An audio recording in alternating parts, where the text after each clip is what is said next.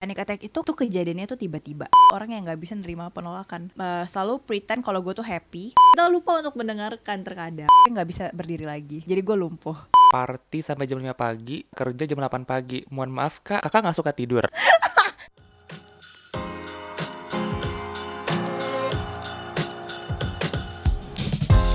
Hi, you're listening to Get Real with Ryan, a podcast that inspires people to show the real side of them with the purpose of sharing valuable knowledge and also learning from each other's life experiences as a lesson and a process to us. My name is Ryan, and let's get real.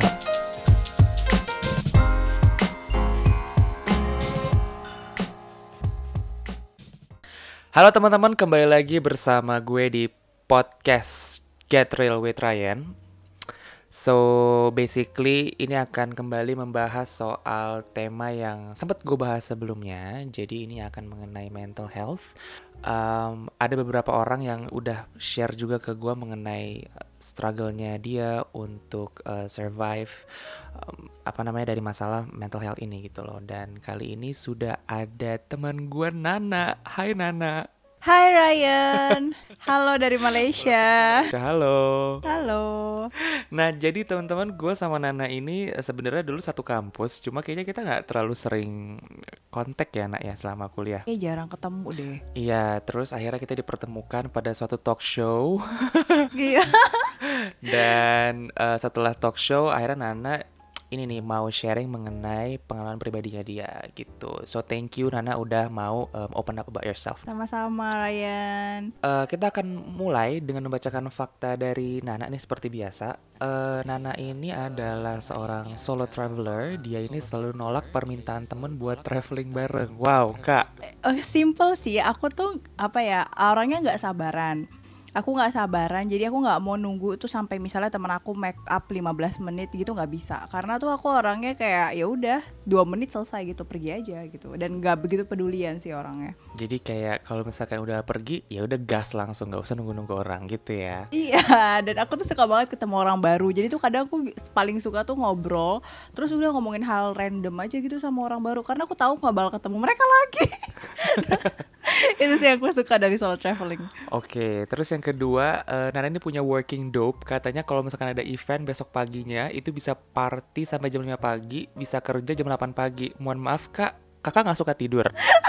Nah itu dia aku tuh aku tuh paling suka kalau sekalian capek gitu sekalian nggak tidur terus jadi nanti pas habis event tuh langsung langsung puas gitu. Oke bisa tidur sepuasnya. Itu sih agak aneh sih sebenarnya. Tapi ini ada fakta ketiga, katanya selalu bangun atau kebangun jam, jam 6 pagi. Berarti nggak tidur dong. iya jadi bisa kebayang. nggak tidur. Aku tuh tidur ayam. Biasanya tuh kalau lagi event tuh tidur ayam. Jadi kayak jam 5 terus habis itu jam 6 tuh bangun. Terus habis itu ya udah paling eh, mandi. Kalau nggak tidur tidur dikit gitu terus udah kerja gitu. Terus yang keempat katanya bisa baca uh, palmistry, ini garis tangan. Dan juga sensitive with signage about the future. Contoh dong kak. Entah ya, jadi itu dulu pas aku kuliah, aku ngantri buat dosen eh, apa bimbingan sama dosen, tapi teman-teman aku tuh ngantri di jurusan buat dibacain garis tangannya sama aku. Eh, Tentang apa biasanya itu ditanyain? tuh tentang hidup, jodoh kayak gitu-gitu sih. Ah, Ya itu tuh aku sebenarnya nggak apa ya, aku tuh cuma baca buku yang sepuluh ribu gitu dikasih sama kakak aku, terus aku tuh apa ya discovered kalau aku tuh punya talent itu dan setiap ketemu orang-orang yang punya six sense tuh emang kayak langsung mereka bisa bilang kayak wah gila energi lo kuat banget. Ya suka kayak gitu. Jadi kan suka takut ya kadang ya padahal tuh berawal dari buku sepuluh ribu gitu. Dan ternyata kakaknya Nana adalah temen gue, teman-teman. iya. Jadi sekarang kita akan langsung masuk ke temanya Nina. Pada episode kali ini. Jadi kemarin Nana ini ngirimin ada link ke aku yang nanti aku akan juga kasih ke kalian. Jadi di situ Nana share mengenai pengalaman dia dealing with uh, panic attack untuk pertama kalinya. Nah, uh, mungkin bagi teman-teman masih banyak yang belum tahu ya nak, maksudnya panic attack tuh gimana sih uh, definisinya gitu. Mungkin boleh di describe sedikit. Oke, ini aku cerita dari pengalaman pribadiku dulu kali ya, biar bisa kasih gambaran Boleh. yang jelas gitu tentang apa sih perbedaannya.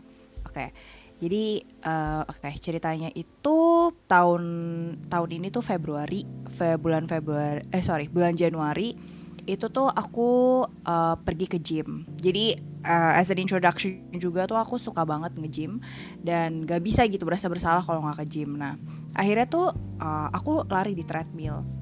Di treadmill yang ternyata treadmillnya dari speed 7 itu tuh tiba-tiba ke 16 tanpa aku pencet speed. Kok bisa? Iya, jadi emang rusak emang rusak treadmillnya. Aku tuh padahal mau decline uh, apa tuh heightnya, terus malah speednya yang malah speednya yang bergerak gitu. Itu aneh banget sih. Mm-hmm. Nah akhirnya aku panik sendiri. Tapi aku minta tolong sama orang sebelah aku untuk un, uh, untuk matiin treadmillnya itu karena treadmillnya nggak bisa mati teman-teman. Terus akhirnya aku minta sama orang di sebelah aku untuk cabut uh, treadmillnya itu dari dari colokannya langsung Nah itu tuh aku tapi aku tetap lari dari speed 7 sampai 16 itu tuh kayak cuman dalam hitungan detik tuh speednya naik. Jadi kebayang gak sih kalau misalnya teman-teman suka lari ya itu tuh jantungnya sakit banget.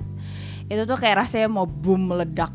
Tapi aku di saat itu tuh aku karena udah terbiasa lari ya, jadi aku langsung um, langsung jalan gitu. Aku jalan dari jalan di jalan biasa biar jantung aku uh, speednya bisa kalem gitu. Dan akhirnya tapi aku udah aku udah apa ya? Aku tuh deg-degan lah pasti ya terus aku ngeluh ke security dan ternyata securitynya itu cuman cuman santai aja gitu bilang bilang kalau oh tiga hari lalu udah kejadian kok. Ini tuh di mana sih? Di apartemen ya? Iya di apartemen. Jadi sebenarnya aku punya gym yang uh, langganan juga yang berbayar tapi aku lagi males aja jalan di situ karena hujan.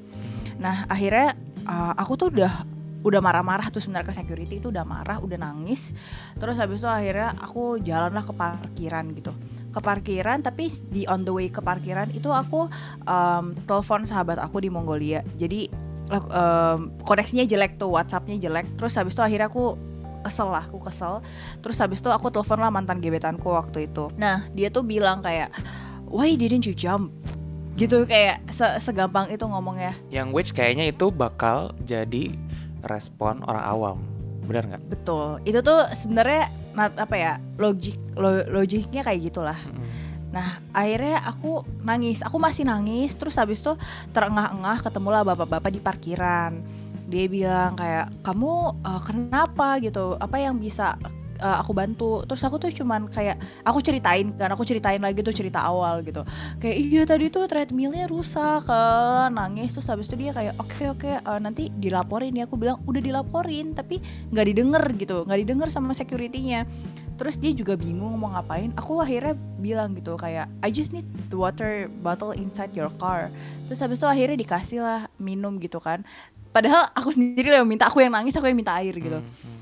nah itu kayak ibarat apa ya uh, ibaratnya tuh kayak kok di saat itu tuh kayak aduh nggak ada sinyal kok gebetan gue ngomong kayak gitu. Terus habis itu orang pun gue ngelihat gue nangis gue nggak dikasih minum gitu. Terus habis itu akhirnya gue udah merasa lebih kalem gue naiklah ke unit gue di atas.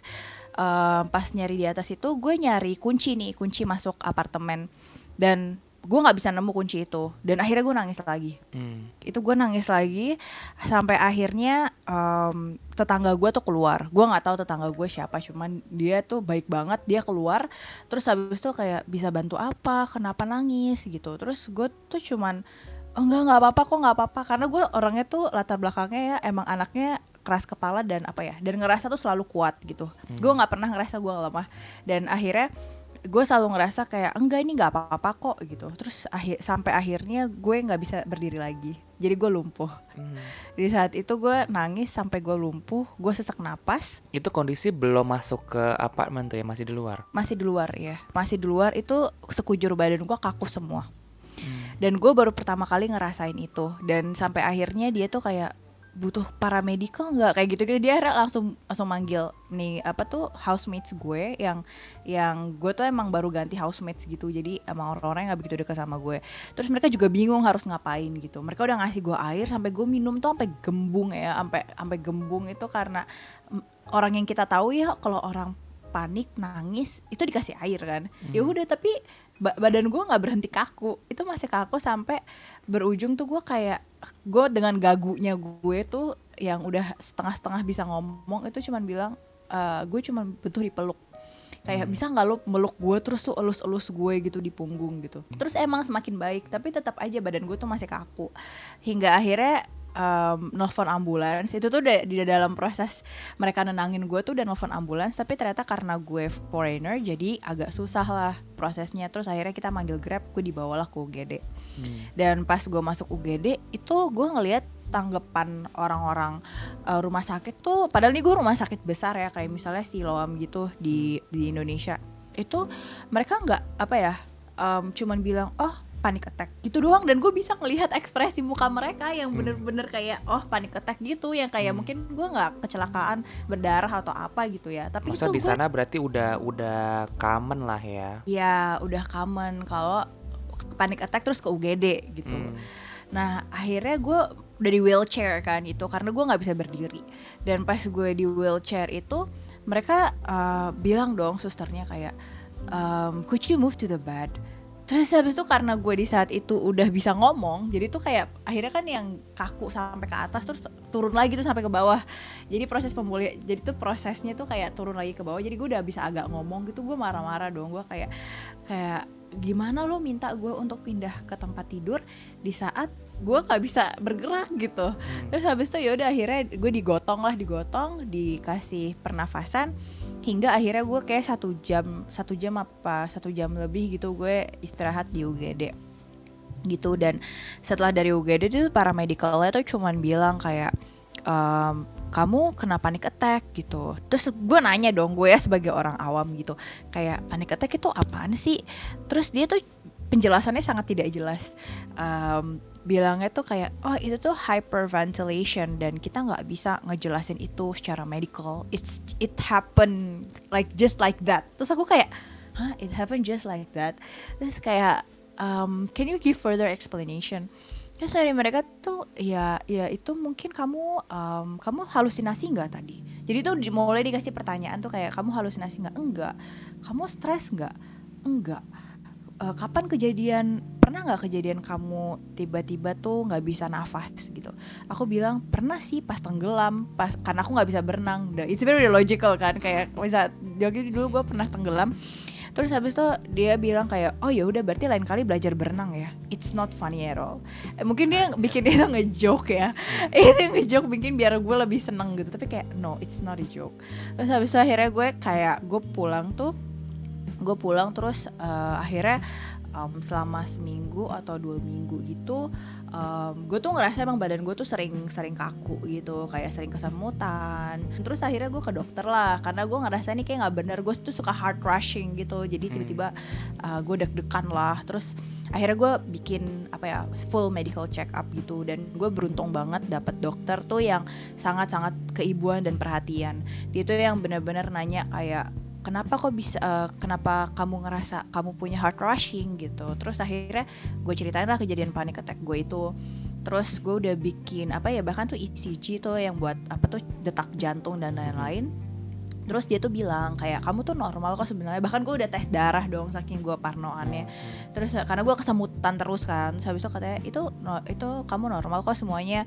Em, cuman kalau kejadian lagi kamu em, ngalamin panic attack uh, nanti aku kasih rekomendasi rekomendasi ke psikolog ya. Kayak gitu. Terus Hmm. gue tuh kayak itu doang sih yang gue inget tuh dari dokter gue waktu itu. Terus akhirnya gue nggak ngambil itu seriously Em, gue cuman kayak ya udah lalala gitu. Kayak hidup biasa hingga akhirnya kejadian kedua kalinya. Kedua kalinya itu gue disuruh em, meeting ke Kementerian Perdagangan gitu di sini sendiri. Dan gue tuh super excited banget gitu loh. Gue kayak woi akhirnya gue meeting gitu.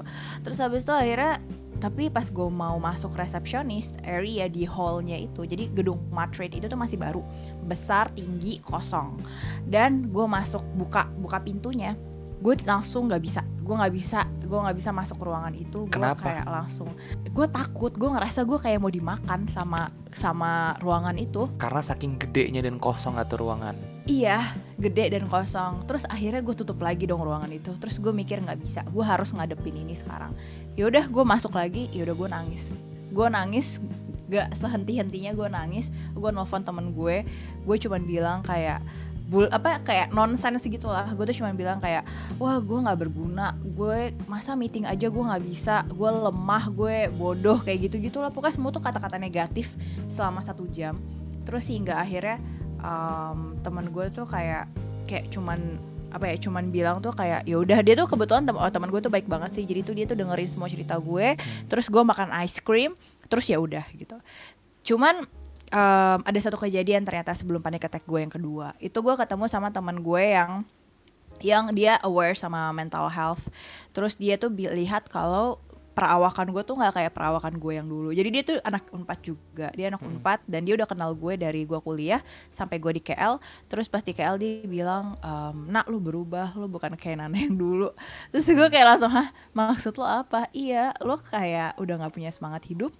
Lo tuh sedih banget mukanya dan itu lo kayak udah kehilangan arah hidup lah intinya gitu. Hmm, hmm. terus akhirnya gue clueless terus dia kayak ya udah nggak ada nggak ada ruginya kok ke psikolog gitu. Em, mungkin lo cuman butuh em, ya saran aja gitu. Akhirnya gue kayak oh oke deh ya udah gitu. Dan akhirnya semenjak kejadian kedua itu panic attack gue kayak semua tuh kayak terkumpul gitu loh. Kayak dari dokter gue bilang kalau ini maksudnya dokter yang dokter umum ya yang secara kesehatan fisikal gitu dia bilang kalau kejadian kedua kali kayaknya gue harus ketemu psikolog. Terus yang kedua temen gue eh, temen gue yang anak unpad ini bilang kayak nggak ada ruginya. Ya udahlah akhirnya gue pergi ke psikolog. Gue nggak mau sama sekali. Gue tuh kayak denial gue tuh bilang ngapain sih gue apa ngabisin duit cuman ke sana? Kayak gitu gitu pokoknya terus gue kayak em, apa ya gue tuh denial banget sampai akhirnya pas gue ke sana gue udah di gue emang di titik yang gimana gue lemah banget terus gue langsung cerita semuanya kejadian gue panic attack terus keda- kejadian gue tuh jadi tuh semenjak panic attack tuh gue takut sama lift gue takut sama ketinggian di highway apa pun gue tuh langsung Which bisa kayak sebelumnya nggak ada. Gak ada. Lo bisa nggak? Jadi gue takut naik lift. Gue takut em, ketinggian. Jadi setiap ada di lantai 16 atau apa tuh gue langsung keringet dingin. Highway, highway gue juga langsung kayak apa namanya gue nggak bisa ngeliat highway. Jadi kalau gue di highway itu gue tutup mata. Dan itu udah nggak masuk akal karena gue udah ngerencanain liburan gue tahun 2020 tuh udah banyak banget sebelum pandemik ya itu tuh banyak banget liburan gue tapi nggak ada pun satu tiket pun yang gue book karena gue takut ketinggian Tapi berarti si si panic attack ini develop something ya, bukan yang maksudnya Yep. kayak um, instant at the time selesai, tapi ternyata malah continue. betul gitu. Dan akhirnya em, oke jadi pas pertama kali gue ke psikolog itu emang banyak banget pertanyaan yang ditanyain kayak kayak physical lo tuh kayak lo deg-degan gak sih? Terus habis itu tangan lo dingin gak sih? Lo tremor nggak atau pokoknya semua gejala tuh ada. Hingga akhirnya em, hingga akhirnya tuh gue ditanya gitu kayak latar belakang gue tuh apa? Jadi itu ditanya mulai dari keluarga relationship terus em, karir. Itu semua tuh ditanya sama psikolog gue dan akhirnya gue cerita lah semuanya itu. Dan kebetulan tuh bersyukurnya gue tuh terbuka orangnya. Jadi gue tuh pengen masalah gue tuh beres sama em, sama psikolog ini jadi pertama eh, dia bilang kalau gue tuh ternyata udah selama satu tahun itu memendam be- ya beban di hati gue gitu. Jadi gue tuh ngalamin tiga kali em, penolakan beasiswa. Belum sembuh dari penolakan beasiswa gue ditolak promosi dua kali di kantor gue. Dan dilihat dari latar belakang gue gue adalah orang yang nggak bisa nerima penolakan. Eh, selalu pretend kalau gue tuh happy karena emang gue kan per kepribadiannya tuh cheerful ya. Jadi tuh gue selalu ah gue nggak apa-apa gitu. Gue nggak apa-apa Tapi maksud gue apa-apa. kalau misalkan lo bilang emang gak bisa penolakan, maksud gue I believe si promotion sama si beasiswa ini kan not the first kan, sebelum sebelumnya pasti kan ada. Eh, sebelumnya gue nggak pernah mengalami kan penolakan sih jujur. Wow, nyaman hidup anda. nyaman. Memang sejujurnya hidup gue tuh nyaman banget dari dulu gue nggak pernah gak dapet apa yang gue mau. Sampai gue dapet penolakan itu. Nah jadi tuh itu adalah fase hidup gue tuh baru pertama kali ngalamin penolakan tapi gue nggak pernah ngungkapin itu ke orang lain gitu. Hmm. dan gue tuh besar di keluarga Batak di mana semua apa ya di mana gue tuh dituntut untuk kuat gitu. Gue dituntut untuk kuat dan gue nggak boleh nangis sama keluarga gue eh, psikolog gue tuh ngejelasin kenapa di treadmill gue nggak lompat logically gitu loh. Karena logically gue udah mampat gitu. Karena gue lagi apa ya karena gue lagi berbicara sama diri gue sendiri tuh kayak untuk menahan menahan emosi gue gitu loh. Jadi tuh kayak ya udah gue jalanin aja. Karena gue terbiasa ya udah gue jalanin aja. Udah gue lari kan. Gue lari tuh di treadmill hingga akhirnya gue meledak gitu kayak gue tuh sebulan ya karena tuh sebulan jaraknya dari panic attack sampai gue ketemu psikolog sebulan tuh gue bener-bener malas kerja. Ya udah gue nggak kerja gue dipecat bodo amat. Kayak gitu loh yang bener-bener udah itu sebenarnya nggak lo nggak bagus kan nggak bagus gitu. Dan gue jadi kayak nggak punya harapan gue nggak punya apa. Pokoknya tuh bener-bener sebulan yang yang suram banget lah di hidup gue. Karena ini yang juga jadi pertanyaan dalam diri gue gitu. Jadi panic attack itu sama anxiety attack um, panic attack itu ke tuh kejadiannya tuh tiba-tiba. Lo nggak nggak ada nggak ada tanda-tanda out of the blue gitu tiba-tiba lo lo uh, kehilangan nafas. Misalnya lo ini kejadian juga di gue panic attack gue ke ketiga kalinya itu adalah saat gue tidur gue tiba-tiba bangun dan gue sesak nafas itu out of nowhere juga dengan itu out of the blue tiba-tiba tuh gue nggak bisa nafas dan gue ya udah bengek gitu gue tengah malam itu. Um, dan it, jadi tuh kayak panic attack tuh nggak bisa apa ya nggak ada tanda-tanda. Beda sama misalnya anxiety attack. Anxiety attack itu adalah ketika gue ke naik lift. Gue naik lift dan gue takut. Tapi gue tahu kayak logik logika gue tuh bekerja gitu. Oh karena gue takut lift. Kayak takut lift tuh ke misalnya karena gue takut ruang kecil ataupun kenapa sih gue takut naik pesawat um, karena gue takut ruang yang besar jadi intinya si panic sama si anxiety bedanya ada trigger dan tidak ada trigger. Iya betul. Cuman tanda-tandanya simptomnya itu sama sebenarnya kayak ya lo nggak bisa nafas, uh, misalnya lo mual, terus um, badan lo numb ataupun um, gemeteran kayak gitu-gitu itu sama tanda-tandanya gitu. Cuman lebih ke panik ya panik itu lo nggak ada di trigger tapi anxiety itu ada. Terus setelah lo ngomong sama si psikolog next stepnya lo mesti ngapain? Gue tuh dijelasin sebenarnya. Gue tuh harus lebih peka. Peka tuh sama apa sih yang bikin gue jadi anxious itu tuh apa? Dan gue harus lebih peka lagi tuh gimana gue mengatasinya ini. Gitu. Jadi gue harus di dilatih itu untuk menghadapi apa yang gue takuti. Cuman ada lagi nih hal lain yang sebenarnya berat yaitu de depression. Jadi dia tuh ngelihat gue emang ada depresi dalam diri gue yang karena gue tuh udah setahun kan itu kekecewaan gue gue gue pendam. Dan dari berbagai penolakan itu gue kehilangan percaya diri gue tuh bener-bener suka ngomong sama diri gue sendiri tuh kayak wah gila lu bego banget sih. Atau kayak misalnya wah lo kayak lo nggak pantas deh daftar scholarship lagi. Jadi sejujurnya tuh gue ya nggak pernah daftar scholarship lagi sampai du sebulan lalu. Itu gue daftar. It, dan itu pun gue daftar karena gue terapi. Karena gue nemu psikolog gue dan dan kita emang ada program program hasil dari psikolog kita tuh adalah eh, dari dari session kita itu adalah untuk gue daftar beasiswa dan um, gue mikirin karir gue lagi ke depan tuh harus ngapain. Karena gue tadinya nggak punya benar-benar nggak punya pemikiran sama sekali yang kayak oke okay lah gue nggak pantas mungkin ya udahlah resign terus nggak tau lah jadi apa. Kayak gitu dulu gue pernah mikir kayak gitu. Da dan dari apa ya dari pembangunan percaya diri gue itu gue jadi kayak wah gila sebenarnya gue berpotensi loh.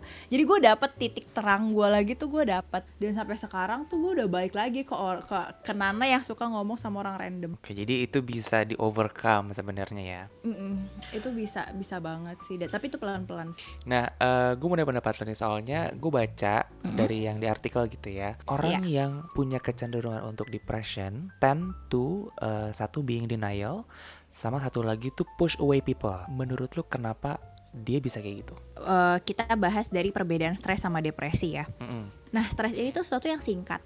Jadi itu singkat, bis kita sadar kalau kita tuh sedang berada dalam ruang yang tidak nyaman dan kita bisa sembuh dalam waktu ketika jalanan tuh lancar blink of eyes itu bisa bisa hilang gitu. Nah, tapi kalau depresi ini pemikiran kita jadi kayak kebanyakan stres yang ditumpuk-tumpuk-tumpuk nggak diungkapin dan kita tuh nggak sadar kalau itu sebenarnya mengganggu hidup kita dan kita tuh jadi kayak uh, lebih ke putus asa uh, dan udah saking putus asanya kita udah udah malas ngomong sama orang lain gitu hmm. malas dan ya udah diem aja dan itulah yang yang orang tuh sering bilang kalau when uh, kita depresi itu adalah sampai membuat kita tuh nggak berfungsi se as usual. Itu sebenarnya gue setuju sih sama gitu. Gue di tahap tahap di mana gue udah nggak mau. Ya itu kayak waktu yang gue ngalamin gitu saat satu bulan gue nggak mau ngomong karena gue ngerasa orang tuh udah nggak peduli lagi sama gue. Misalnya gue udah cerita ke keluarga gue terus mereka cuma bilang gue sakit asma coba. Nah terus uh, teman-teman gue tuh nggak ngerti malah lebih ngasih ke feedback gitu. Jadi kayak nggak dengerin cerita gue dan bilang tuh kayak ah it's a part of growing up. Kayak you will get over it. Terus pasti terus ada juga tuh yang bilang ah, mungkin lo kurang doa dan lain-lain gitu. Tapi maksudnya kayak isn't that the komen respon yang orang bakal katakan gitu loh kayak oh ya udahlah semangat. Ya paham paham paham. Nah jadi kalau kalau kita menemukan teman kita tuh yang Iya yang kayak gitulah yang misalnya dia nangis ataupun dia pengen cerita itu sebenarnya hal simple sih simple sesimpel kayak kita ngasih mereka tuh tisu ngasih tisu kayak udah makan belum udah udah udah minum belum? Kayak gitu-gitu pertanyaannya simpel gitu. Dan kalau misalnya dia keadaannya tuh dia nggak nangis atau apa gitu ya kita cukup mendengarkan gitu. Dan sehabis mendengarkan oke okay, kita boleh ngasih feedback. Dan kalaupun nggak ngasih feedback juga nggak apa-apa gitu sebenarnya. Itu sesimpel itu sih. Dan itu yang sebenarnya suka kita lupakan. Karena kita lebih semangat kan kita tuh semangat sebenarnya mau bantu kan ibaratnya tuh. Tapi ternyata kita kebanyakan ngomong gitu kita lupa untuk mendengarkan terkadang. Let's say treatment yang diharapkan oleh let's say lo sebagai penyintas gitu ya berarti butuh didengarkan. Iya, itu butuh banget sih sebenarnya. Kayak nggak apa-apa lo kasih saran, tapi lo dengerin gue dulu gitu. kayak kayak jangan dipotong dulu, jangan dipotong. Biasa kayak gitu sih. Mohon maaf ya kak, kita nanya beneran karena nggak tahu kok. Iya, nggak apa-apa, nggak apa-apa. Gue takut ini. kak, karena kalau nanya ya? kayak gini tuh kayak. Enggak, ini sebenarnya tuh apa ya? Aku tuh bersyukurnya karena aku udah udah apa ya, udah melewati tahap ini dan sekarang tuh aku lebih belajar untuk ya menerima menerima tuh kayak kita nggak bisa loh mengubah lingkungan di sekitar kita tuh untuk menerima kita tapi aku belajar untuk menerima orang lain justru. Lebih mau memperkenalkan gimana di posisi aku sebelumnya biar gimana cara bantu teman-teman lain gitu. Tapi setelah lo ngobrol sama si psikolog itu, lo masih sering uh, konsul sama dia atau gimana? Gue tuh rutin dan gue tuh bi weekly, either bi weekly atau weekly. Kalau misalnya, jadi tuh dulu kayak awal-awal bulan dua bulan tuh gue weekly ya, gue rutin. Baru setelah itu gue udah ngerasa lebih baik dan jauh lebih semangat. Gue ngomong tuh bernada kayak gini tuh baru akhir-akhir ini doang. Dulu tuh enggak. Dulu tuh flat banget gue ngomong dari situ lo dikasih kayak medication gitu sama si psikolognya? Enggak, enggak sama sekali. Nah, ini nih kadang yang suka kita salah persepsi. Kalau ke psikolog itu tuh nggak ada obat sama sekali ya. Kalau kita ke psikiater itu tuh ada. Ini tuh hal simple deh kayak misalnya tuh um, kita tuh dikasih obat ketika kita ini ada ini ada pengalaman dari kisah nyata ya. Kisah nyata tuh kayak mau bunuh diri misalnya. Udah mulai nyayat nyayat nyayat. Tapi justru denial gitu. Kayak enggak kok nggak apa-apa. Ini caranya melampiaskan emosi nah kayak gitu sebenarnya udah mulai ada yang apa ya tahap selanjutnya sih sebenarnya. Misalnya butuh obat penenang kan kalau kayak gitu. Kalau enggak dia akan terus menyayat dirinya sendiri. Tapi kalau di psikolog itu lebih ke gimana sih kita nyembuhinnya itu pelan-pelan? Jadi pelan-pelan itu jadi tuh kayak misalnya masalah aku kan gak begitu berat ya. Nggak kayak nggak kayak teman-teman lain tuh yang misalnya udah mau sampai mengakhiri hidup atau kayak gimana. Sebenarnya lebih ke karena aku metodenya butuh didengarkan sih. Jadi ya dengan cara seperti itu aku bisa sembuh sendiri. Oke dan berarti lo waktu itu ke psikolog itu atas kemauan diri sendiri. Waktu itu karena emang udah didukung dari um, dokter yang physical gue tuh emang udah bilang kalau kejadian panic attack lagi gue ketemu psikolog dan yang kedua adalah temen gue yang ngingetin kalau nggak ada ruginya. Jadi sebenarnya itu ibaratnya udah kepepet ya.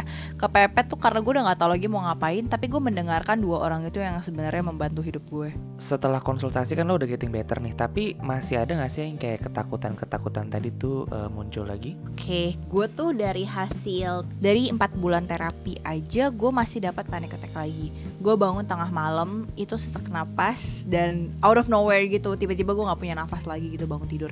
Tapi bagusnya adalah gue udah tahu gimana cara gue nyembuhin diri gue dari ketika hal itu terjadi. Misalnya gue um, tarik nafas teknik pernafasan tuh karena diajarin juga ya selama terapi.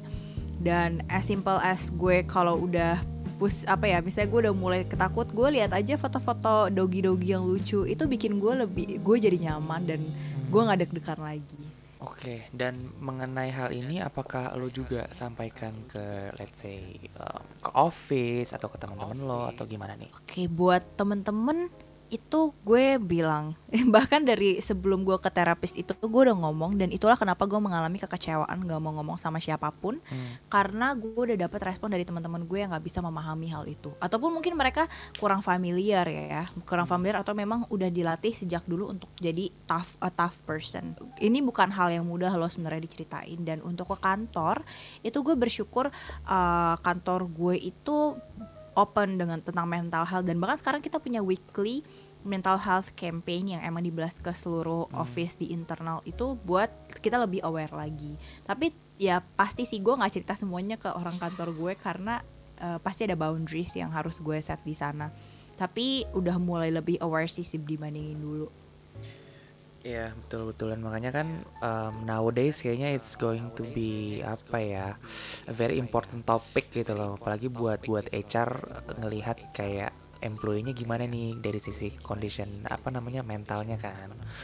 Um, dan di luar sana kan juga sudah mulai banyak pemerhati di bidang ini gitu loh which is good for apa namanya ke depannya lah ke depannya lah. Mm-mm, betul Gitu. Iya, dan FYI Ah, juga gitu. nih sebenarnya eh, aku ini ini aku selalu bilangin sih ke office aku tuh kalau eh, bantuan mental itu tuh nggak bisa di- dikasih oleh HR karena wajar nggak sih kita tuh cerita curah padahal tuh kita mau set boundaries gitu loh kehidupan antara kantor sama kehidupan pribadi jadi aku tuh selalu selalu apa ya sel- selalu arahin tuh kalau uh, butuh gitu loh misalnya tuh untuk nge-hire external uh, external profesional itu buat konsultasi sendiri. Em, terakhir nih nak. Your journey gitu kan mulai dari treadmill terus juga fear of heights dan lain-lainnya sampai lo ketemu psikolog and now you're getting better kan. Nah uh, what keeps you going into that stage dan sampai akhirnya kayak um, you, you you you embrace yourself with um, apa namanya your condition Oke, jadi kan dari from five facts yang aku udah share tadi itu uh, bisa lihat kan betapa narsistik dan narsistik dan mau ada berada under the spotlight. So that was me before. And um, aku nggak mau jadi berubah apa ya, ngerubah pribadi aku hanya karena satu kecelakaan karena satu treadmill itu. Ataupun aku nggak mau uh, mengubah kepribadian aku karena penolakan. Karena it's a part of life juga kan penolakan itu. Jadi dan aku masih selama dan selama aku uh, berada dalam under depression itu aku tuh bahkan masih ada catatan aku sekarang. Segala kekhawatiran segala um, uh, apa ya kata-kata negatif yang ada di pikiran aku itu aku catat. Dan aku baca balik. Dan itu aku ngerasa tuh kayak enggak aku tuh masih punya masa depan yang lebih cerah gitu. Aku masih bisa jadi maksudnya bisa bisa lebih baik lagi dari sekarang. So it's not the end of the world. And it's okay for me paying a professional to help me because I'm earning money to spend it.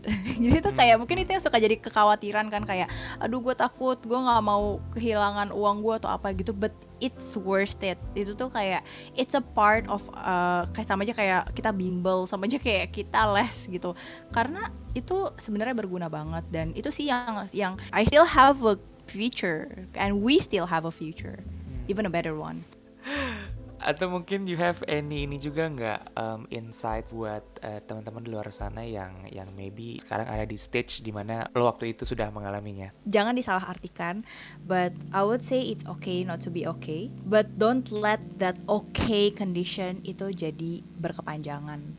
Ada saatnya di saat kita tuh perlu bangkit dan kalaupun emang orang-orang di sekitar kita nggak mendukung ataupun kita ngerasa nggak mereka tuh nggak kurang membantu kita it's okay as well because we're the leader of ourselves so uh, if we don't have hands helping us then we need to help ourselves itu yang paling penting kak at the end of the day cuma kita yang bisa menolong diri kita sendiri Yeah, and it's okay. It's okay to be alone untuk kita bisa sembuh. Dan ini bahkan salah satu hal yang terapis aku bilang ya eh, di saat aku udah ngerasa jauh lebih baik. Dia tuh bilang kayak I'm proud of you. I'm glad that you're getting better and you're you're you went through it alone. Dan itu yang selalu aku ingat sampai sekarang karena aku udah capek berharap sama orang lain karena ya diri kita yang bisa membantu diri kita sendiri. oke wah Nana thank you banget nih udah mau cerita Uh, sama-sama. Walaupun banyak busuknya juga ya, busuk diri gue sendiri, tapi semoga bisa membantu. Kalau ya it's, it's not perfect. Ya, hopefully uh, things will get better soon. Bisa jalan-jalan lagi solo traveling dan juga uh, ke depan ke depannya Iya. secara mentally tetap sehat, tidak hanya secara fisik tentunya ya. Betul. Nana, thank you so Amin, amin, much you. once again ya. You're welcome. Teman-teman, terima kasih banget sudah mendengarkan di episode kali ini. Nantikan di episode selanjutnya. Bye bye. Bye bye. Hey, have you tuned into other real stories on this podcast? Make sure you do. Get Real with Ryan. New episodes every Friday. Stay tuned.